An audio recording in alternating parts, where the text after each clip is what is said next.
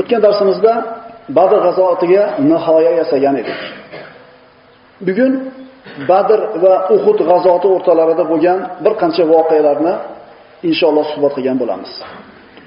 Asrlarni ozod qilishlik davom etdi. Asrlarning ichida qo'lida bir pul yo'qlar bor edi, faqirlari bor edi.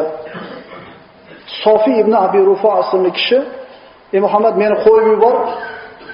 Men Makka da molim bor. Shuni Makkaga borganimdan keyin sizlarga qaytarib jo'natib yuboraman" dedi. Asrlardan Abu Azza Amr ibn Abdulloh.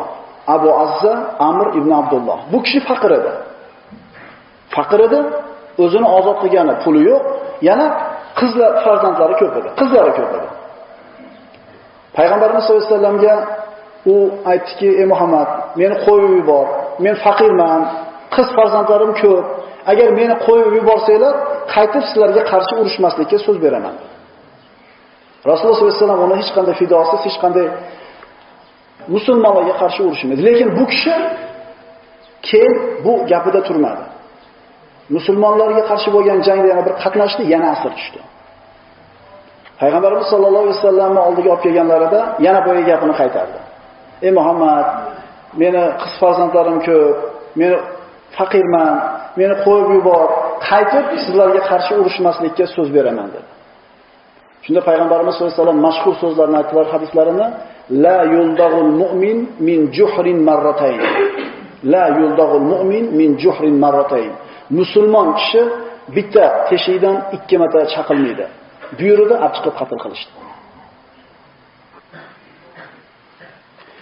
Abu Sufyon Badrdagi bu mag'lubiyatdan keyin Qurayshning shavkatini, sha'nini ko'tarishni xohladi. Va aytdiki, Madinaga urush qilmasdan turib, janobatdan yuvinmayman dedi. Ya'ni g'usl qilmayman dedi. To Madinaga borib urushib kelmagunimcha dedi. Unga yordam bergan 200 odam to'plandi. 200 kishini olib Madinaga Munavvaraga qarab keldi. Endi 200 kishi bilan Madinaga qarshi jang qila olmaydi. Madinaga yaqinroq joyga to'xtadida Madinada yashayotgan yahudiylarga odam jo'natdi. Ya'ni yordam berishlikda. Haya ibn Axtab, "Yo'q, men Muhammaddan qo'rqaman, sizlarga yordam bera olmayman" dedi. Lekin Sallam ibn Mushkim yordam berishligini aytdi. Hech kimga bildirmasdan qurol bilan yordam berdi. Madinadagi xabarlardan aytib yetkazib turdi. Abu Sufyon ana shu xabarlarga qarab, musulmonlar ozgina g'aflatda qolganligidan foydalandida, Madinaning tashqarisida dehqonchilik qilayotgan bir qancha dehqonlarga hujum qilib bittasini qatl qildi. Qolganlari qochib ketdi. U dehqonlardan narsalarini olib orqasiga qarab qaytdi. Ya'ni shu bilan qasamini oqlagan bo'ldi. Payg'ambarimiz sollallohu alayhi vasallamga bu xabar yetib kelishi bilan tezlik bilan qo'shinni bir jamlab, ularni orqasidan quvib chiqishdi. Bu chiqishlik g'azovati Suvayq deyiladi. Suvayq deb nomlanishining sababi Abu Sufyon o'ziga oziqa bo'lishligi uchun xurmoni Suvayq nomli navini olib kelgan edi. Endi musulmonlar quvib ketayotganda shu yuki og'irlik qilib tashab ketgan edi. Suvayq nomli xurmoni o'lja qilib olishganligi uchun bu g'azot g'azovatu Suvayq deyildi. Demak, Abu Sufyon Madinaga jang qilmasdan turib, janobatdan yuvinmayman degan qasamini mana shunday qilib oqlagan bo'ldi. Shu vaqtda payg'ambarimiz sollallohu alayhi vasallam o'zining qizlari Fatima roziyallohu anhoni o'zining eng yaqin sahobasi, o'zining qarindoshi bo'lgan Ali ibn Abi Talib roziyallohu anhuga nikohlab berdi. Va eng barakotli va xayrli nikoh bo'ldi. Va ana shu vaqtda Payg'ambarimiz sollallohu alayhi vasallamning qizlari Ruqoya, Usmon roziyallohu anhuning qizlari Ruqoya, payg'ambarimiz Badrdan qattiqcha vafot qildi.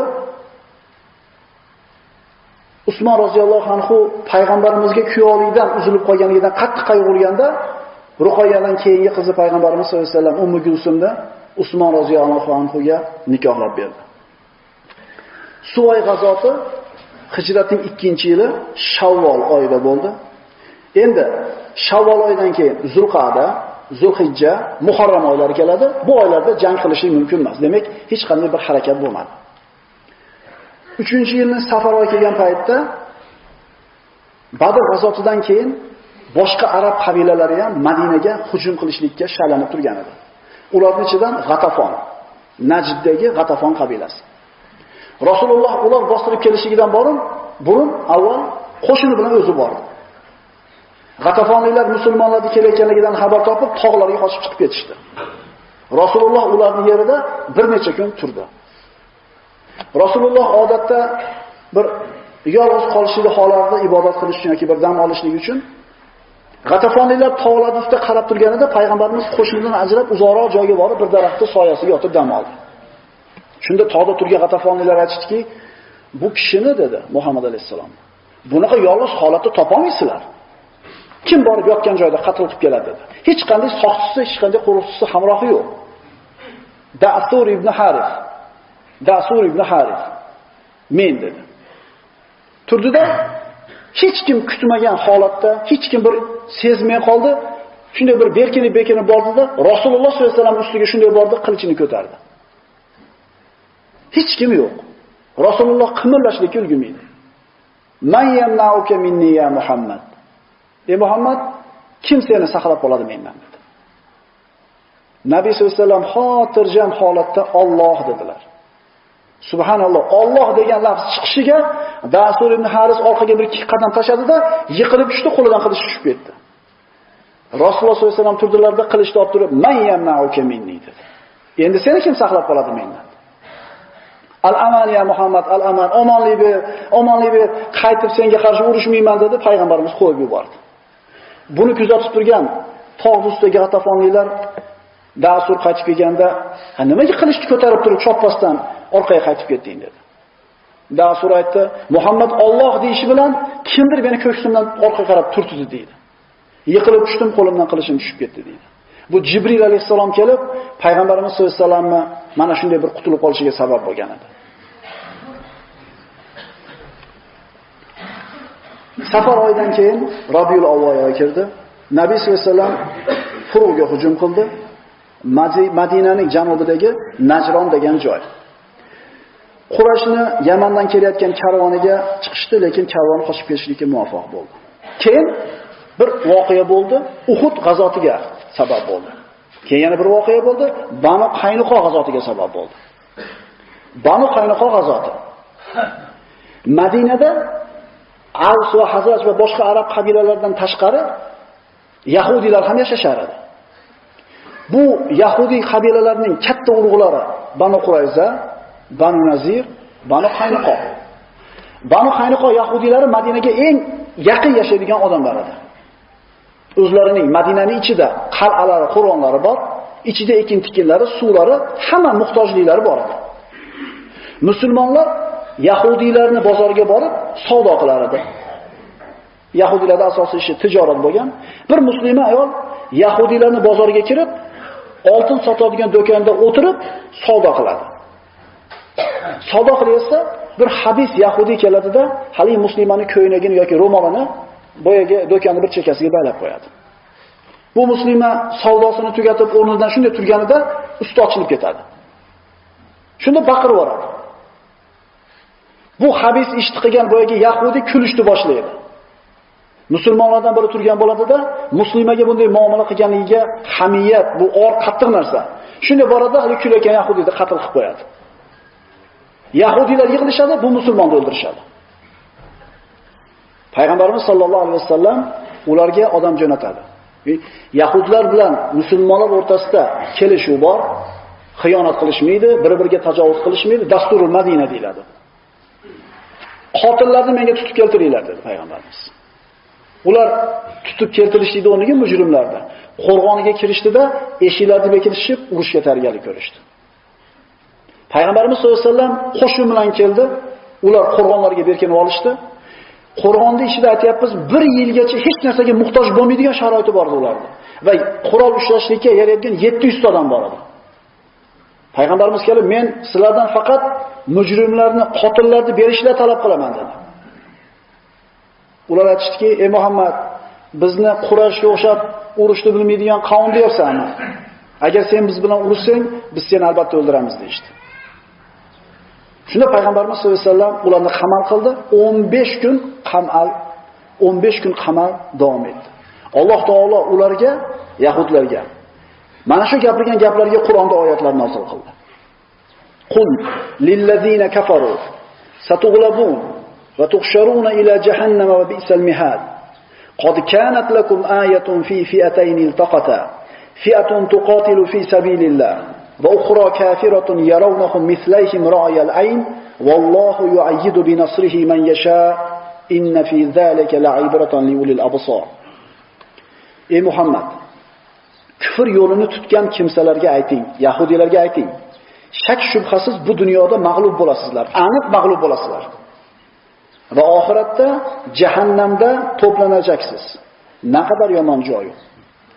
Ey yahudiylar, sizlar uchun biri Alloh yo'lida jang qilgan, ikkinchisi kofir bo'lgan ikki guruh orasidagi to'qnashuvda ibratli hodisa bo'lgan edi. Ya'ni sizlar ko'rib turgan Badr g'azotida mushriklar bilan musulmonlar o'rtasida bo'lgan jangda ibrat bor edi. U musulmonlar o'z ko'zlari bilan kofirlarni ikki barobar ko'p ekanini ko'rib turadilar. Kofirlar ikki barobar, uch barobar ko'p edi. Lekin Alloh taolo o'zining nasri bilan, nusrati bilan xohlagan qavmga g'alaba beradi. Alloh esa o'zi istagan kishilarni g'olib qilish bilan qo'llab-quvvatlaydi. Albatta bu voqeada fikr egalari uchun ibrat bordir.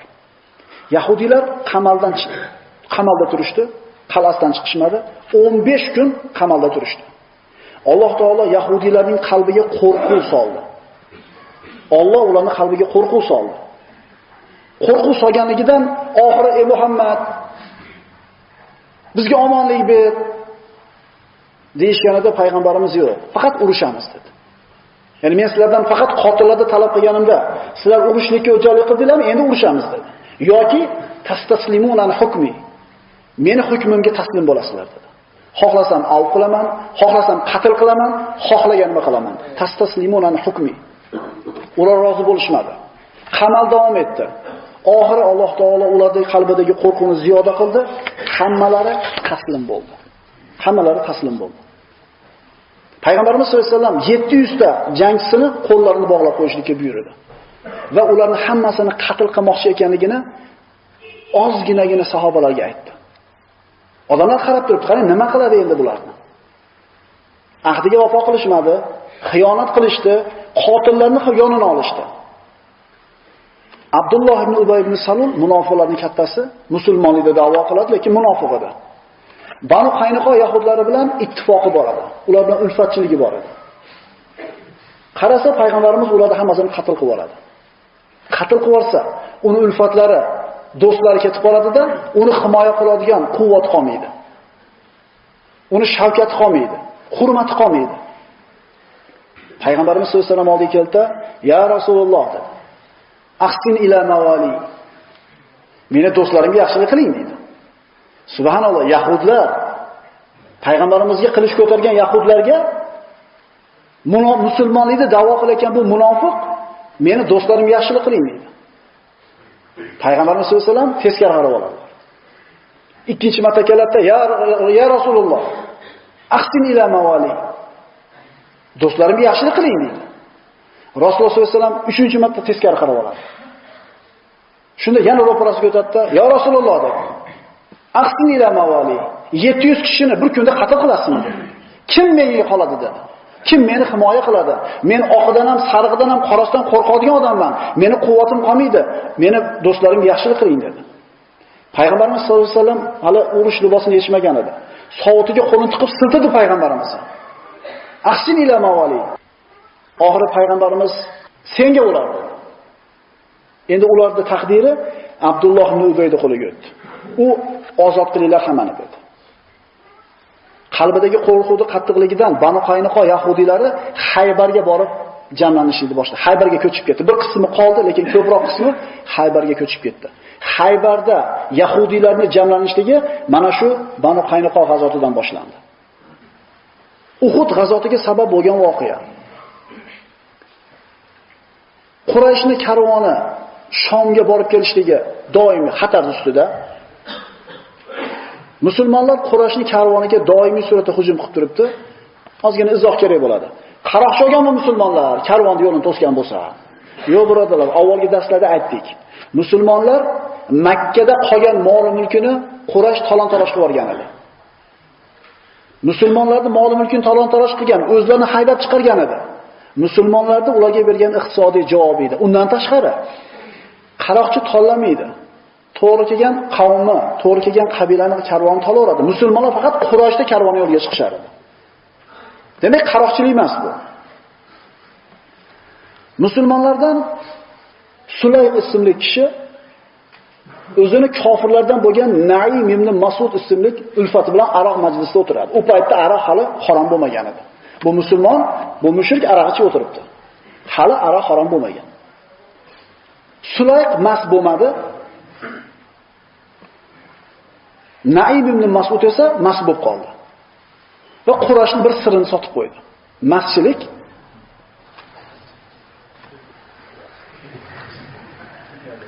Quraysh Shomga karvoni omonroq borib kelishligi uchun boshqa yo'l qidirgan edi.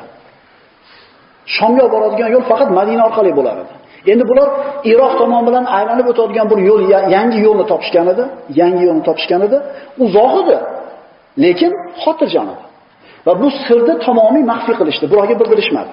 Chunki Qurayshning tijorati tijorati asosiy savdo bilan. Li ila fi Quraysh ila fihim rihlatash shita'i was-sayf. Shomdan olardi, savdo mollarini Yamanga borib sotardi. Tijorati shu edi. Bu yo'lni yangi yo'lni tamomiy maxfiy qilishdi xabarini. Bu karvonga 100 ming kumushdan iborat mol jamlandi. 100 ming kumushlik karvon. Endi boyaga Naim ibn Mas'ud bu narsadan xabari bor, masjidida o'tirib Sulayqqa hammasini aytib qo'ydi. Sulayq hali mas bo'lmagan edi. Xabarni hammasini oldida to'g'ri payg'ambarimiz sollallohu alayhi vasallam oldiga kelib turib, hamma ma'lumotni aytdi. Qachon o'tadi? Qancha odam bor? Qancha pul bor? To'liq ma'lumotni oldi, yetkazib qo'ydi. Payg'ambarimiz sollallohu alayhi vasallam Zayd ibn Xorisni boshchiligida bir qo'shinni tayinladi sarigani va karvon yuradigan, shu Iroq tomoni bilan yuradigan yo'lga borib kutib turishdi. Abu Sufyon boshchiligi bu karvon 100 ming kumush moli bilan ketayotganda kutilmagan joyda musulmonlar hujum qilishdi. Abu Sufyon qochib ketdi karvonni tashlab, 100 ming kumushlik karvon musulmonlarni qo'liga o'tdi. Va mana shu zarba Qurayshni Uhud g'azotiga chiqishlikka turtdi. Chunki endi Iroq tomoni bilan ham boradigan yo'ldan mahrum bo'lib qolsa, Qurayshni Qurayshning hayot mamoti mana o'rtaga qo'yilgan edi. Abu Sufyon bu xatarni yo'q qilishlik uchun qaytib keldi va odamlardan qo'shin jihozlashlik uchun tabarruatlarni so'radi. Odamlar tijorat uchun to'plab qo'ygan hamma mol-mulkini tashadi, hatto ayollar taqinchoqlargacha tashadi. Va Abu Sufyon o'zini qabilasi bilan kifoyalanmasdan G'atafon qabilasiga borib yordam so'radi. Ular yordam beramiz deydi. Chunki payg'ambarimiz yaqinda o'ziga hujum qilgan edi. So'ngra Abu Sufyon Ahobish qabilasiga borib yordam so'radi. Ular ham rozi bo'lishdi. Shunday bir harakat qildiki, 3000 kishilik qo'shin to'pladi. Badrga borganda 1000 edi ular. 3000 kishilik qo'shinni tayyorladi. Rasululloh sollallohu alayhi vasallamga Quraysh qo'shin bilan chiqib kelayotganligi xabar eshitildi. Shunda Rasululloh sahobalarga maslahat soldi. Nima qilamiz? Madinada turib jang qilamizmi yoki tashqariga chiqaylikmi? Shunda yana hamosat, sahobalarda shijoat qo'zib ketdi. Chunki ko'pchilik Badrga chiqa olmagan edi. Musulmonlar karvon to'sgani chiqib ketdi deb o'tirishgan edi, jang bo'lgan edi. Payg'ambarimiz bilan birinchi bo'lgan g'azotda qatnasha olmagan juda ko'pchilik sahobalar alamda qolgan edi. Ularning ichidan Anas ibn Nazr. Anas ibn Nazr Badrda musulmonlar qochib ketgan paytda Rasululloh Quraysh bilan to'qnashgan birinchi jangda birga bo'lmadimmi dedi. Agar bundan keyin Rasululloh Quraysh bilan yana to'qnash kelsa, Alloh ko'radi men nima ish qilishimni degan edi. Shunga o'xshab Badrda qatnasha olmasdan alamzadada qolgan sahobalar chiqinglar yo Rasululloh deb turishyapti. Rasulullohning ra'yi Madinada qolishini. Hamza ibn Abdul Muttolib aytdi, "Ya Rasululloh, agar Madinaga o'tirib olsak, chiqmasak, qo'rqishdi." deyshadi, chiqaylik dedi. Boshqa sahobalar ham chiqishlikni tavsiya qilishdi. Rasululloh aytdilar, "Men bir tush ko'rdim" dedi. Qanday tush ko'rdingiz, ya Rasululloh? Ra'aytu baqaran tuzbah. So'yilgan yoki so'yilayotgan sigirni ko'rdim dedi. Va fi sayfi salama. Ey Abijaj. Qilichimni qiyshayganini ko'rdim dedi. Va ra'aytuni adkhulu fi dir'in hasina. Bir mustahkam sovutni chekib ketayotganimni ko'rdim dedi. Nima deb ta'bir qildi shu ya Rasululloh? Rasululloh so'ylayotgan sigir dedi. Bu sahobalardan bir qanchalarini dedi shahid bo'lishi dedi. Qilichimdagi egrilik dedi. Meni ahli baytimdan bir olgan bitta odamga bir musibat yetadi dedi. Endi men ichiga kirib ketayotgan sovutni Madina deb ta'bir qildim. Meni ra'yim Madinada qolish dedi. Lekin sahobalarda bo'yiga shijoati bilan, bo'yiga hisob bilan payg'ambarimiz sollallohu alayhi vasallam chiqishlikka qaror qildilar. Hamda uyga kirib, urush kiyimlarini kiyib, odatda kiyadigan sovutning ustiga yana bir qator sovutni kiydi. Chunki urush qattiq bo'lishini payg'ambarimiz bilgandek edi. Boshiga temirdan bo'lgan dubulg'asini kiyib chiqdi. Payg'ambarimiz kiyinayotgan paytda sahobalardan Sa'd ibn Muoz roziyallohu anhu Rasulullohning ra'yi qolish edi. Bizni qistovimiz bilan chiqib biz Rasulullohni majbur qilib qo'ygan bo'lmaylik. Deyishdida payg'ambarimiz kiyinib chiqqanida, "Ya Rasululloh, biz sizni bir majbur qilib qo'ygan bo'lmaylik. Agar qolish niyatingiz bo'lsa, mayli qolaveraylik" dedi. Shunda payg'ambarimiz sollallohu alayhi vasallam aytdilarki, urush libosini kiygan payg'ambarga to bu payg'ambar bilan dushmanini o'rtasini Alloh hal qilmagunicha libosini yechishlik mumkin emas dedi. Ya'ni kiydikmi, endi yechmaymiz, endi chiqamiz endi dedi. Chunki fa iza azamta fatavakkal alalloh. Bir inson har qanday hisob kitob qiladi, mulohazani qiladida, bir qarorni qabul qilgandan keyin endi tavakkal qilib yurishlik kerak. Ikkilanishlik bo'lmaydi bunaqa qat'iy qaror qabul qiladigan joyda musulmon odam ikkilanishi mumkin emas. Musulmonlar tashqariga chiqishdi. Bu g'azobga munofiqlar ham chiqdi. Abdulloh ibn Ubay boshliq bir to'p munofiqlar ham chiqishdi. Payg'ambarimiz bilan Madinadan chiqqan qo'shning adadi 1000 kishi edi. Ular Uhud tomonga qarab chiqib borar ekan, ko'zlangan maqsadiga, joyiga yetishlik uchun bir kishini dehqonchiligini bosib o'tishlik kerak edi. Bu dehqonchilikda egasi, bu yerning egasi Murbi ibn Qoybi ismli kishi edi, ikki ko'zi ko'r edi. Munofiq edi, lekin islomni da'vo qilardi. Musulmonlar uni ekinzorini tepalab o'tishligidan xabar topib turib, o'tmaysizlar meni yerimdan dedi. Payg'ambarimiz aytdilar, yo'q, o'tishimiz kerak, chunki bo'lmasam aylansak uzoqroq ketadi. O'tmaysizlar deb turib oldi. Payg'ambarimiz sollallohu alayhi vasallam o'taveringlar dedi.